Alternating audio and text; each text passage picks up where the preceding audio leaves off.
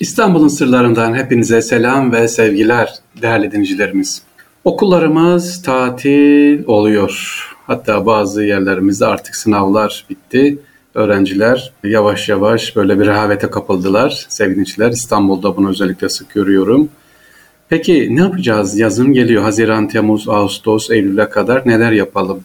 Değerli dinleyiciler hep bunu soruyorlar. Diyorum ki her zaman olduğu gibi e, ve diyorum eğer merak edenler varsa ne yapalım? Çocuklarımıza müzeleri tavsiye ederim. İstanbul'da gezilecek yerler diye benim bir bilgi notum var. Her sene yolluyorum. Arzu eden aileler olursa anne babalar, öğretmenler onlara da yollayabilirim. İstanbul'da özellikle yazın çocuklarımızı nerelere götürelim, hangi müzelere götürelim, neler yapalım diye türbeler mesela, camiler, çeşmeler, okullar, medreseler, hastaneler e, merak ettiğiniz durumuna göre farklı farklı e, yerler var. Bunları çocuğunuzun durumuna göre. Hep şunu söylüyorum sevgili dinleyiciler, sevgili anne babalar. Böyle İstanbul'da gezerken atıp da işte hadi şimdi bu müze, hadi şu cami, hadi bu türbe değil. Belli bir plan dahilinde bir gün türbeleri ele alın, padişah türbelerini. Konulu gidelim. Mesela bir gün çeşmeleri, farklı çeşmeleri. Çatal çeşme nedir, çukur çeşme nedir, çoban çeşme nedir, meydan çeşmesi nedir? Bunlarla ilgili çeşmelerle. Yani çocuklarınız merak etsin, gençlerimiz de özellikle aynı şekilde. Medreseler, hastaneler, kütüphaneler. O kadar çok gezilecek yerler var ki hepsinin de ayrı ayrı neyi var? Hikayeleri var. Sevgili dinleyiciler, iki haftadır bir konu üzerinde çalışıyorum. Ee, sağ olsun öğrenci kardeşlerimiz de bana yardımcı oldular. Kısaca size ondan bahsetmek istiyorum. Nedir? Osmanlı döneminde acaba diyorum ki çocuk kitapları var mıydı? Çocuk eğitimi, çocuk kitapları, çocuk hikayeleri, çocuk masalları nasıldı? Şöyle bir araştırma yaptık. Ciddi makaleler okuduk sağ olsunlar. Özetlerinde gönderdiler. Ee, Osmanlı döneminde çocuğa önem veriliyor idi. Fakat bu eğitim nasıl sevgiliciler? Masallarla, hikayelerle. Burada ailenin önemi çok önemli. Evde büyük anne, büyük baba, dede, nine, torun eğitimi nereden alıyor? İlk edebiyatını, ilk edebiyatını tabii ki anneden ninilerle anıyor. Ninni. Ama böyle ne ne ne uyusun da büyüsün, tıpış tıpış yürüsün değil sevgiliciler. Nasıl bir ninniler? Eğitici ninnilerle. Bunlar hep bize unutulmuş. Yani ninni derken çocuk daha uykudayken ya da uyumaya hazırken bilgiler öğreniyor. Öyle hikayeler anlıyor, okuyarak, dinleyerek nenesinden öğreniyor. Bu da onun hafızasını, zihnini ne yapıyor? Geniştiriyor. Evet, uyusun da büyüsün değil, uyu uyu şş, şş, şş diye değil sevgiliciler. Masallarla çocuklar büyütülüyor imiş Osmanlı döneminde özellikle Osmanlı'nın ilk kuruluş yıl döneminde dönemlerinde de. Peki çocuk edebiyatı bize ne zaman böyle ciddi manada gelmiş baktığımız zaman Tanzimat'la birlikte gelmiş sevgiliciler. Tanzimat öncesi sözlü kültür var bizde. E, nedir? Keloğlan var, Hacivat Karagöz var anlatılıyor ama daha çok Nasrettin Hoca ve Keloğlan, Dede Korkut hikayeleri var. O dönemde hemen bunlar dilden dile geliyor. Böyle elimizde bir açıp bir kitabımız yok ama Dede Korkut'u biliyoruz. Nasrettin Hoca'yı biliyoruz. Sonra dönemde Hacivat Karagöz hikayelerini biliyoruz. E, ve tabii ki bol bol Keloğlan masalları var. Bunları biliyoruz sözlü kültür. Osmanlı çocuğu özellikle millet ve devlet için önemli idrak edilmiş. Bu bağlamda çocuğu ilgilendiren önemli çalışmalar yapılmış. Tanzimatla birlikte bizde başlamış efendim.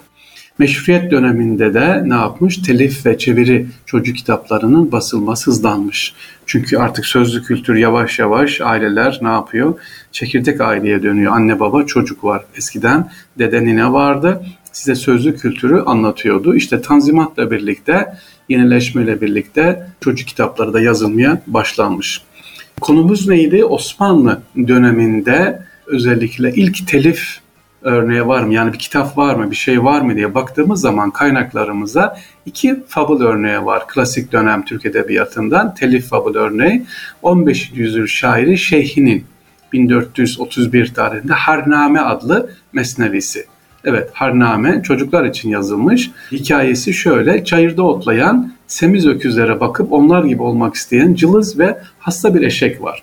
Girdiği ekin tarlasının sahibi tarafından öldürüyesiyle dövülür kuyruğu ve kulağı kesilir. Acı içinde ağlayıp inleyerek oradan uzaklaşır. masaldan çıkarıcı ders sahip olduğundan daha fazlasını isteyen eşeğin dilinden batıl istiyor haktan ayrıldım, boynuz umdum kulaktan ayrıldım dizeleriyle özetlenmiş efendim. İlk hikayemiz bizim demek ki basılı, telif böyle 1400'lerde, e, 1500'e yakın 1500 yıllarda yazılmış bir eser. Mesnevi ama böyle şiirlerle. Batıl istiyor haktan ayrıldım, boynuz umdum kulaktan ayrıldım dizeleriyle yazılmış Harname şairi de şeyhi. Daha sonra ikinci öğretes Türk Edebiyatı'nda 17. ve 18. yüzyılda, yüzyıllarda Nabi'nin oğlu Ebul Hayr Mehmet için kalem aldığı Hayriname e, Hayriye, diğeri de Sümbülzade Vehbi'nin oğlu Lütfullah hitaben yazdığı Lütfiye'dir. Bakın eserlere bakıyor musunuz? Evlat için yazılıyor. Kim bir Nabi ki Resulullah Efendimiz için yazmış olduğu çok güzel bir naatı vardır. Onun oğlu Ebul Hayr Diğeri de efendim Sümbülzade Vehbi'nin oğlu Lütfullah'a hitaben yazdı Lütfiye'dir. Peki her iki eserde çocuklar için yazılmış sevgilinciler e, ahlaklı ve erdemli olma konularında babadan oğula öğütler içeriyor.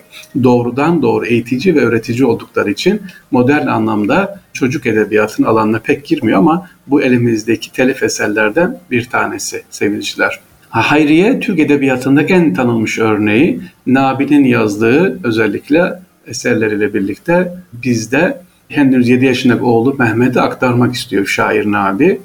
Oğluna özellikle soyunun yüce atalarının babasının bilgili olduğunu hatırlatıyor. E, ve diyor ki Nabi babanın nefes evladı etkiler özlü sözün hareketle gönül madeninden çok önemli bu sözlü gönül madeninden taze inciler çıkarıp şiir ipliğine dizdiğini ve bunları oğlunun kulağına ve aklına aydınlatmak için yazdığını belirtiyor Nabi. Yine Hayriye'de e, yazılan e, kitaplarda, eserlerde özellikle oğluna verdiği mesajlarda kin tutmayacak, komşu hakkı konusunda titiz davranacak. Bunlar hikayelerle ne yapılmış, anlatılmak istenmiş. Şimdi bir e, örnek vereceğim. Nabi'nin yazdığı hikayeden, mazlum tabi yazılmış. Diyor ki, etme ar, öğren oku ehlinden, her şeyin ilmi güzel cehlinden. Sana bir şey birisi verse eğer, alma, müstahni ol ey canı peder. Eyleme kimseyi zemmu gıybet, ayıptır akil olana bu sıfat. Kimsenin cevriyle canın sıkma, hatırın yapmaya sayet yıkma. Ne kadar güzel oğluna yazmış olduğu e, bir şiirden sevgiliciler. Çocuk kitapları anlatıyoruz İstanbul'un sırlarında. Osmanlı dönemindeki çocuk kitapları. Şimdi de Lütfiye Sümbülzade Vehbi özellikle Lütfiye'yi kitabın ismi o. Oğluna vasiyetlerde bulunuyor. Diyor ki bilime yönelmesin tasavvuf, tarih ve edebiyat özellikle de şiir ve nesille güzel konuşmasını istiyor.